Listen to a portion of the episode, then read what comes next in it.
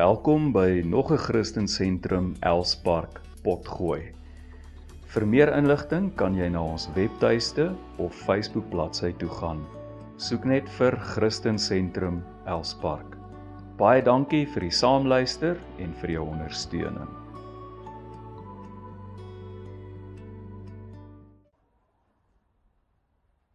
Dit is my so voorreg om die woord van die Here vandag aan jou te bedien. En ehm um, uh en ons gaan voort met ons reeks van uit die boek Hebreërs. Uh net so pas nadat die Grendelperiode begin het het ons in hoofstuk 1 van Hebreërs begin. En kan jy glo dat ons nou al by hoofstuk 10 is? Uh ons is al amper deur die hele boek Hebreërs So kom ons lees vandag saam uit Hebreërs hoofstuk 10 vanaf vers 1 tot 10. En ons gaan so 'n bietjie gesels oor Jesus se liggaam. Sy fisiese liggaam. Uh hierdie liggaam van hom wat die offer was wat ons geheilig het, wat ons heilig gemaak het. So kom ons lees vanaf vers 1. Die wet bevat immers net 'n skaduwee van die toekomstige goeie dinge. Nie 'n presiese weergawe daarvan nie. Daarom kan dit nooit deur dieselfde offers wat onophoudelik jaar na jaar gebring word, diegene wat kom aanbid tot volmaaktheid bring. Sou hulle nie andersins opgehou het om die offers te bring omdat die aanbidders nadat hulle eenmaal gereinig is, nie meer enige besef van sonde sou hê nie. Maar deur die offers word hulle nou jaarliks aan hulle sondes herinner. Want die bloed van bulle en bokke kan onmoontlik sondes wegneem.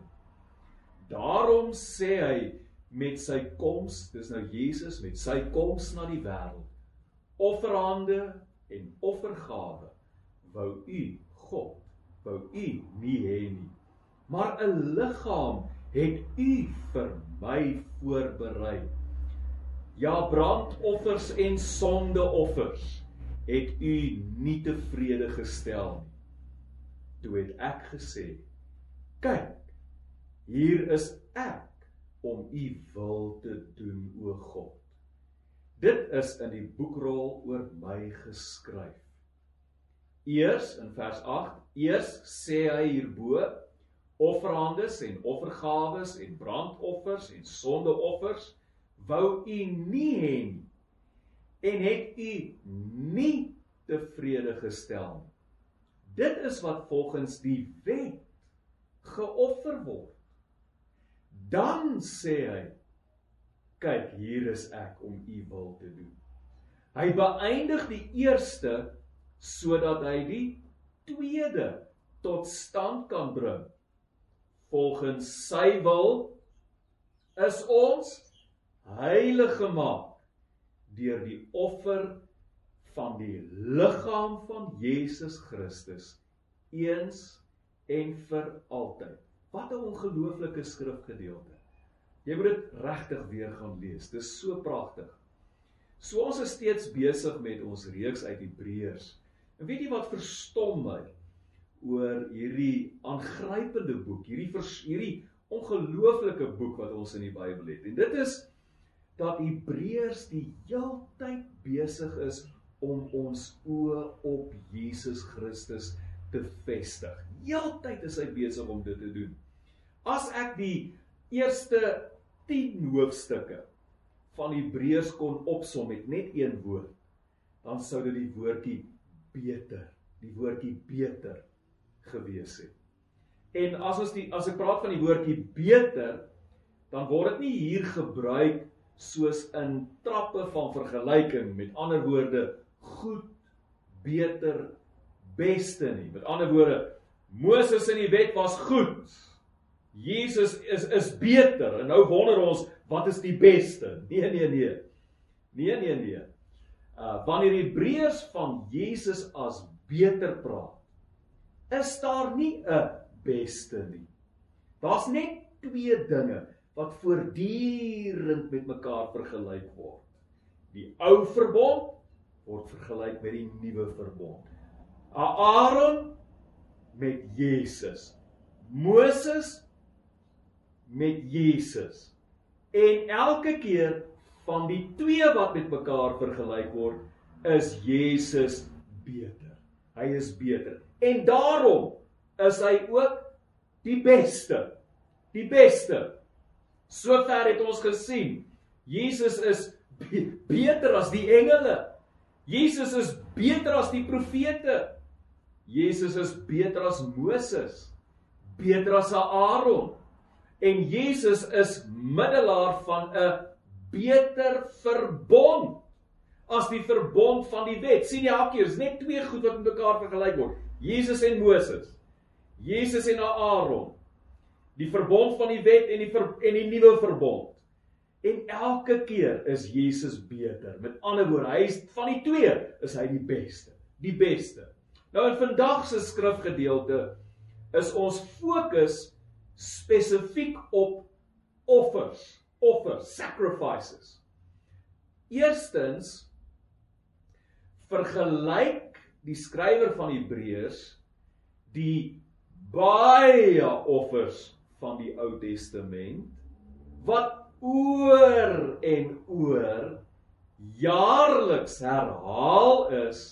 Hy vergelyk dit met die een offer van Jesus wat eens en vir altyd was.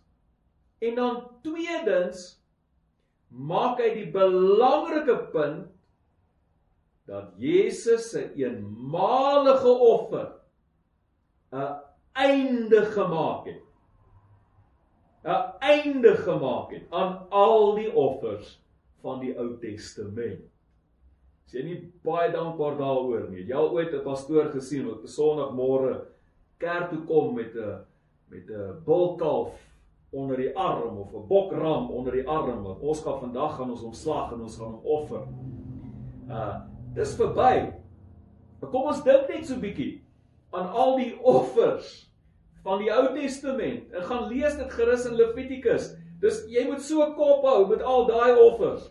Daar was graanoffers, drankoffers, brandoffers, sondeoffers, skuldoffers en nog meer. En dan boonbehalwe vir al hierdie offers het die hoëpriester boonop nog een keer per jaar op die groot versoendag wat gewoonlik hier rondom September in ons jaarkalender was, het hy op die groot versoendag 'n offer vir die hele volk gebring om hulle met God te versoen.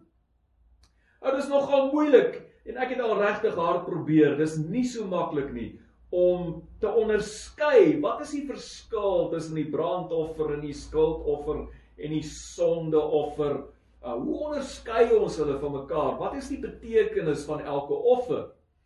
En om hierdie drie offers dan weer uh te vergelyk met die offer wat op die groot versoendag, die een offer per jaar wat die hoëpriester gebring het.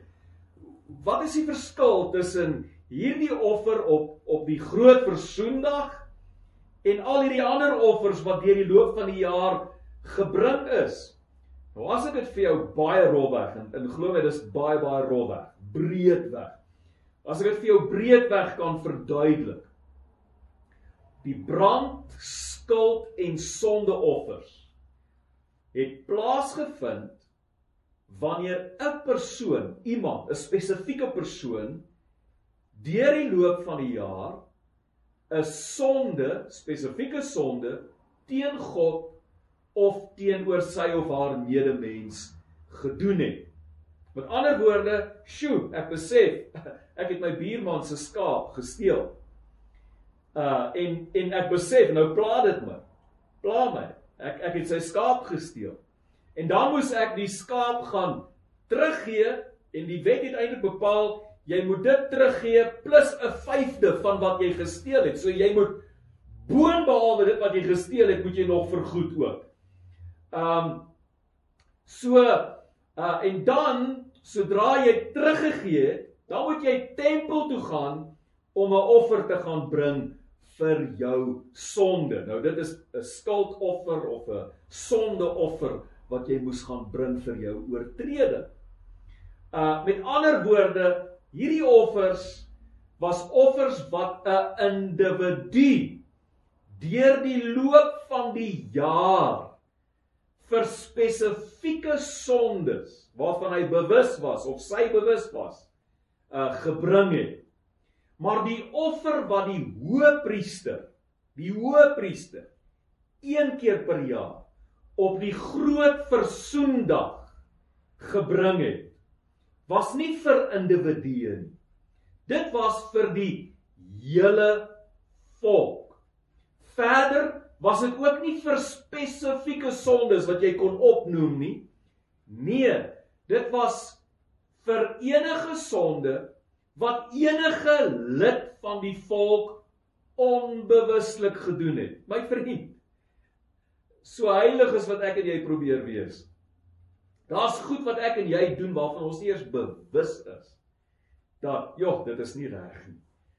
Daar's en, en dis hierdie tipe goed wat wat die die hoëpriester 'n offer voorgebring het een keer 'n jaar vir die hele volk enige sonde wat hulle onbewuslik gedoen het om verzoening daarvoor te doen. En jy kan regtig gerus in Levitikus gaan lees oor hierdie offer wat hy moes bring op die groot versoendag. Dit het 'n baie interessante ritueel ingesluit waar ons ons woordjie sondebok vandaan kry. Ons almal het al gehoor van die woordjie sondebok.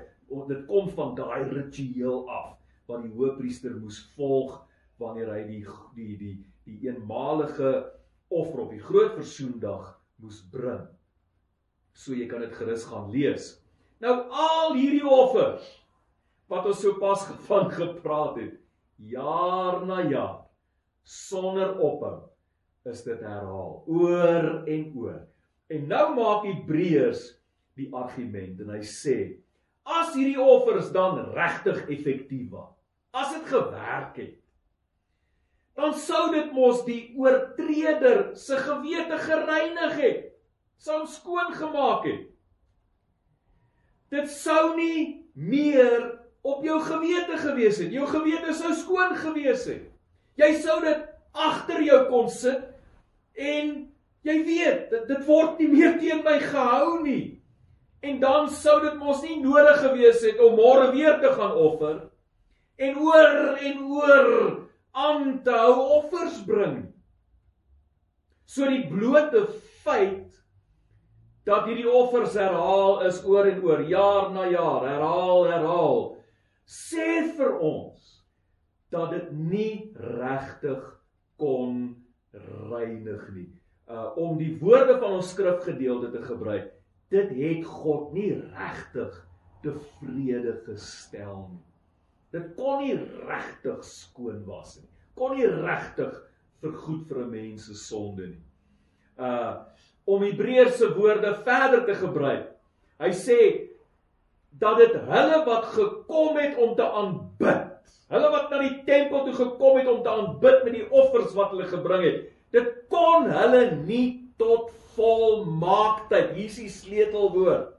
Dit kon hulle nie tot volmaaktheid bring nie.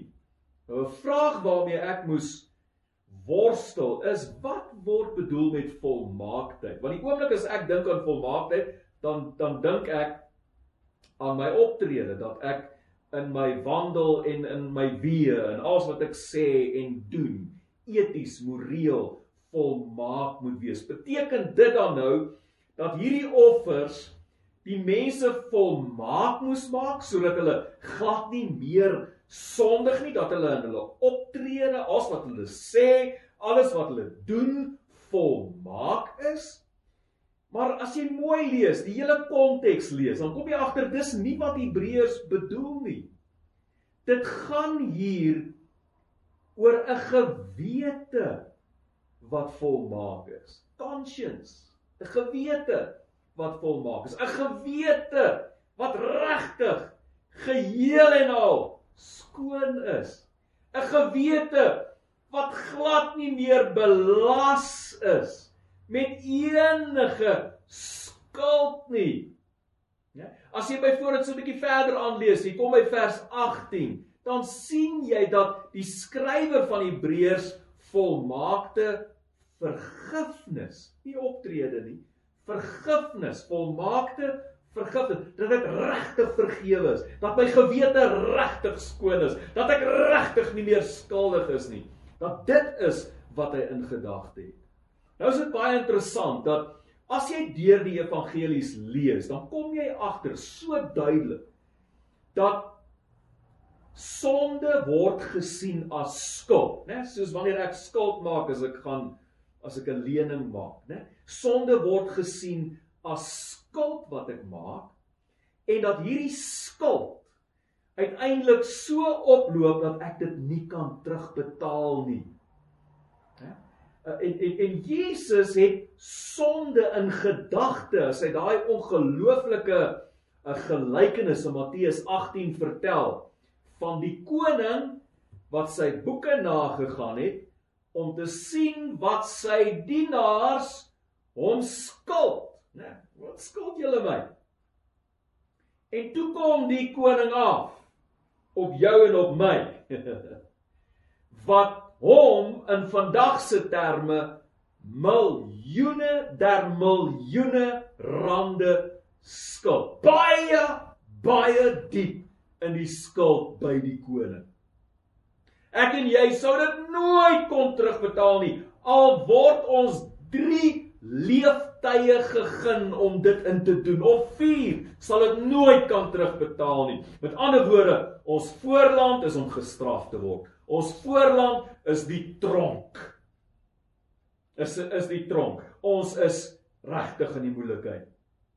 Tot vandag toe nog sê ons vir iemand wat jou skade aan doen, as jy byvoorbeeld my skade aan gedoen het, jy in my karakter ingeklim of jy het van my geskinder of of jy het iets aan my gedoen wat nie reg was nie, dan wat sê ons vir mekaar? Ons sê vir mekaar, jy skuld my. Jy skuld my. Die punt is, die punt is, ons is so diep in die skuld by God en by ons medemens en terloops die sonde wat ek teenoor my medemens doen dit wat ek aan my medemens doen is ook terselfdertyd skuld aan God dit word ook as skuld teenoor God gereken. Want elke mens teenoor wie ek 'n fout begaan of sonde doen, is geskape na God se beeld. So uh moenie dink ek sondig teen my medemens en dat dit geen implikasies vir my verhouding met God nie. Nee my vriend, dit het implikasies vir jou verhouding met God ook. En hierdie skuld loop so op. Daar's geen manier dat ek en jy dit ooit kan terugbetaal nie. Kom ons wees eerlik daaroor. ek kan dit nie terugbetaal nie. Jy kan dit nie terugbetaal nie. En dis 'n swaar las op jou gewete as jy skuld het. Uh en jy weet jy skuld. Jy weet jy het baie skuld. Jy's in die moeilikheid. Dis 'n swaar las op jou gewete. Ek weet van mense wat nie kan slaap in die nag nie omdat hulle weet hoe baie skuld hulle het. Ek praat nou van finansiële skuld kan nie slaap in die nag nie. Wat gaan ek doen? Wat gaan ek doen om hierdie skuld terug te betaal? En wat nog te meer as jou skuld soveel is dat jy weet vir jou siel jy sal dit nooit kan terugbetaal. Nooit. Tensy tensy iemand kom. Iemand en daai persoon kom betaal hierdie skuld namens jou.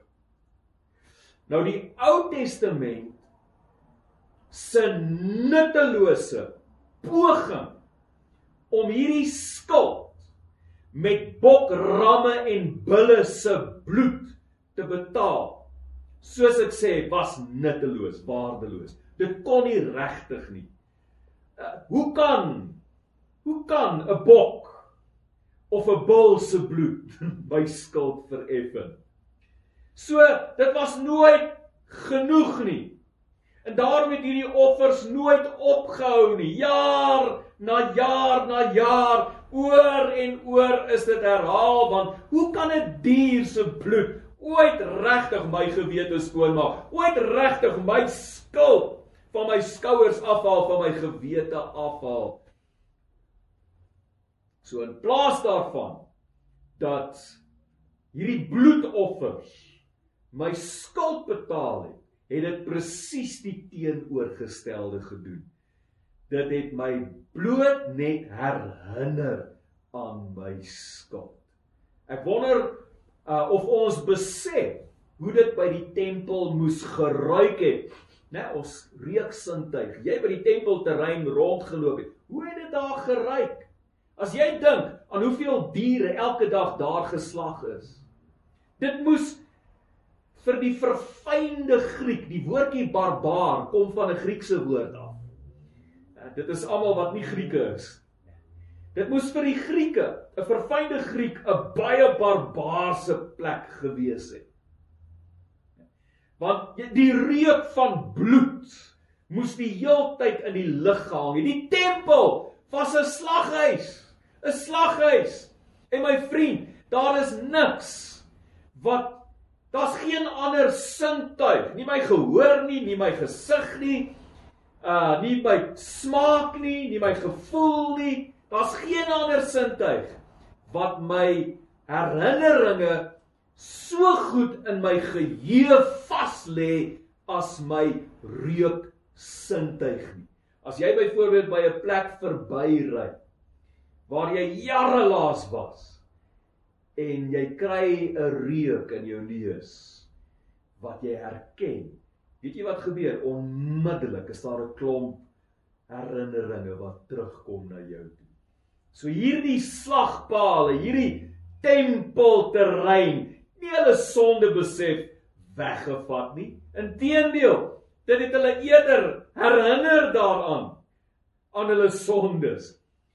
En dan sê Hebreërs vir ons, al hierdie offers het God nie tevrede gestel nie. Dit kon nooit regtig, nooit regtig ons skuld betaal nie. Dit bring ons by die verstommende woorde in vers 5.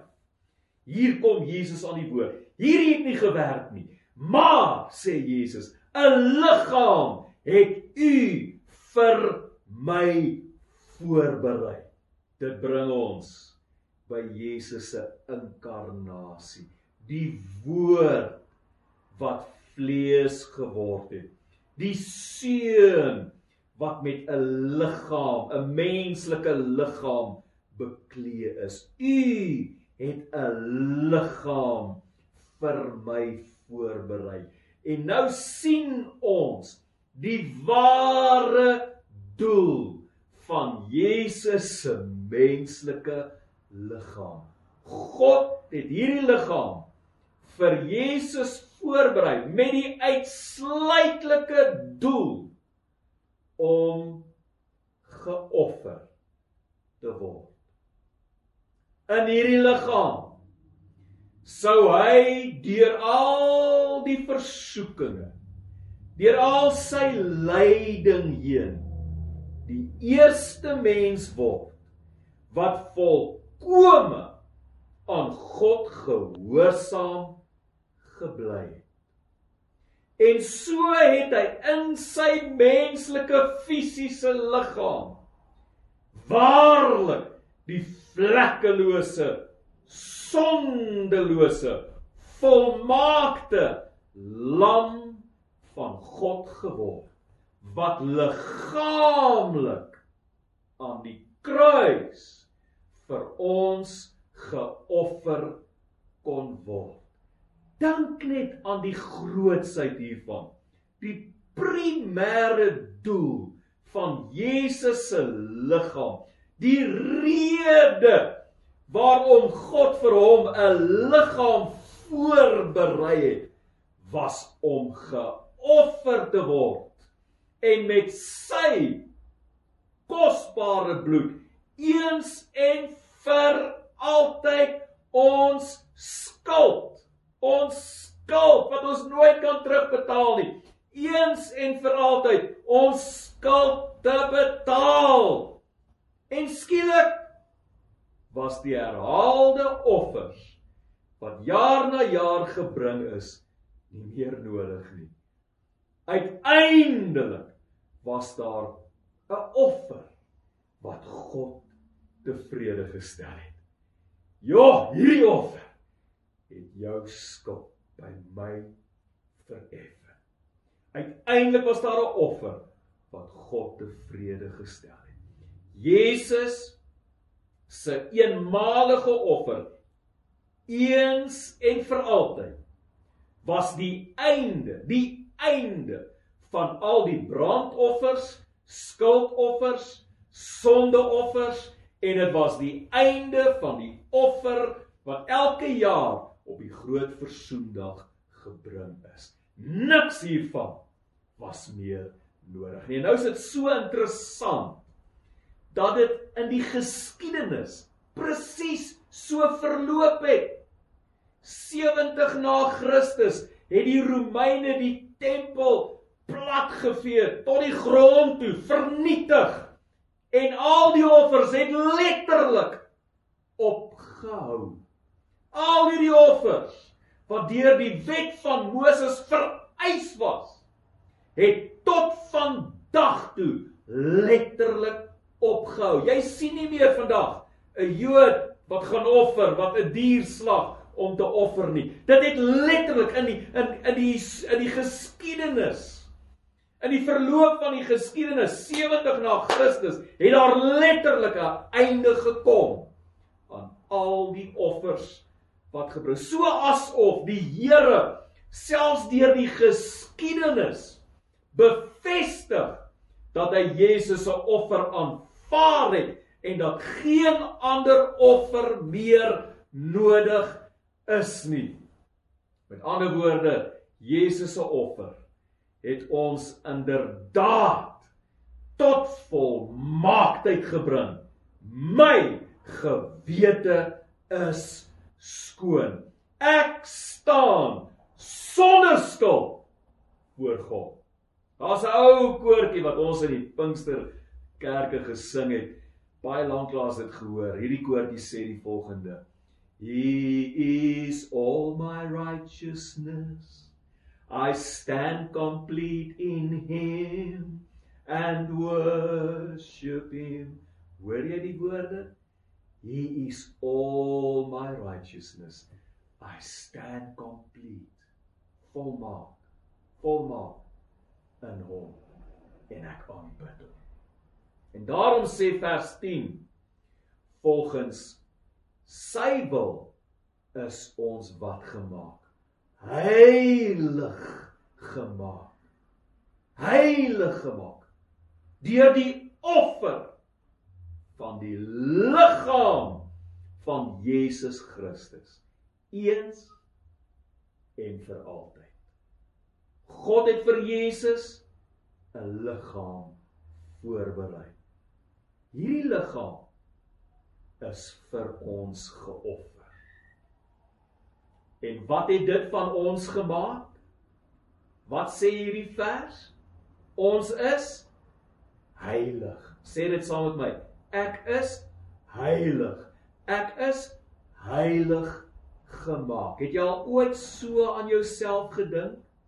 dat jy heilig is? Soms sal ons vir iemand sê, moenie jouself so heilig hou nie man. Wel ek kan vir jou sê, as iemand vir my kom sê, moenie jouself so heilig hou nie, my antwoord sal wees, "Hey, maar ek is heilig. Ek is heilig." Petrus noem die Christene aan wie hy skryf. Gaan lees dit 1 Petrus. Die Christene aan wie hy skryf, hy noem hulle 'n heilige nasie. Paulus groet die Christene aan wie hy skryf as heiliges. Ek haal net vir jou een voorbeeld aan Efesiërs 1 vers 1. Paulus skryf, hy sê Paulus, 'n apostel van Christus Jesus, deur die wil van God aan wie? Aan die heiliges wat in Efese noem.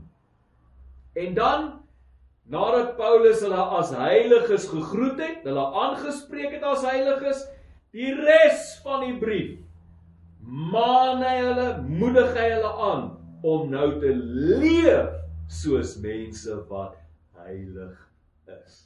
Is dit nie interessant nie? Is dit nie ontsettend interessant nie? Ons leef nie volmaakte lewens om heilig te word nie. Verstaan jy wat ek bedoel? Ons leef nie perfekte lewens sodat ons deur hierdie pogings van ons heilig kan word nie. Nee. Ons word heilig deur die volmaakte vergifnis van ons sondes deur Jesus se offer aan die kruis. Daarom is ons heiliges. En omdat ons heiliges is omdat ek 'n heilige is, leef ek nou bloot net wat ek is. Ek leef nou 'n heilige lewe. Nie 'n vergeefse poging om heilige mense te wees of te word nie, maar mense wat reeds heilig is deur Jesus se offer wat bloot net leef en is wat ons klaar is. Is dit nie wonderlik nie? Ek leef heilig want ek is heilig. Amen. Ek onthou daardie ou advertensie. Uh hoender advertensie. Hulle smaak so lekker want hulle eet so lekker. Nou ek wil vir jou sê ek leef heilig omdat ek so heilig is deur Jesus wat my geheilig het deur sy offer aan die kruis. Hoe anders. Amen. Here baie baie dankie. Dankie vir Jesus. Weereens kan ons nie ooit genoeg dankie sê vir hom. Ja, dat U vir hom 'n liggaam voorberei het net sodat hy geoffer kon word. Hoe lief het U ons nie, o Here? Hoe ongelooflik lief het U nie vir ons nie. Ek bid vir elkeen wat geluister het na hierdie woord dat ons sal weet die offers het opgehou van die offer wat Jesus gebring het is aanvaar. En daarom as ek in Christus is, is ek volmaak en is ek heilig. Here help ons om in ons wandel en in ons weë, in ons dade en ons doen te te leef wat ons regtig is. Heilig te leef omdat ons reeds heilig is. Dankie daarvoor in Jesus naam.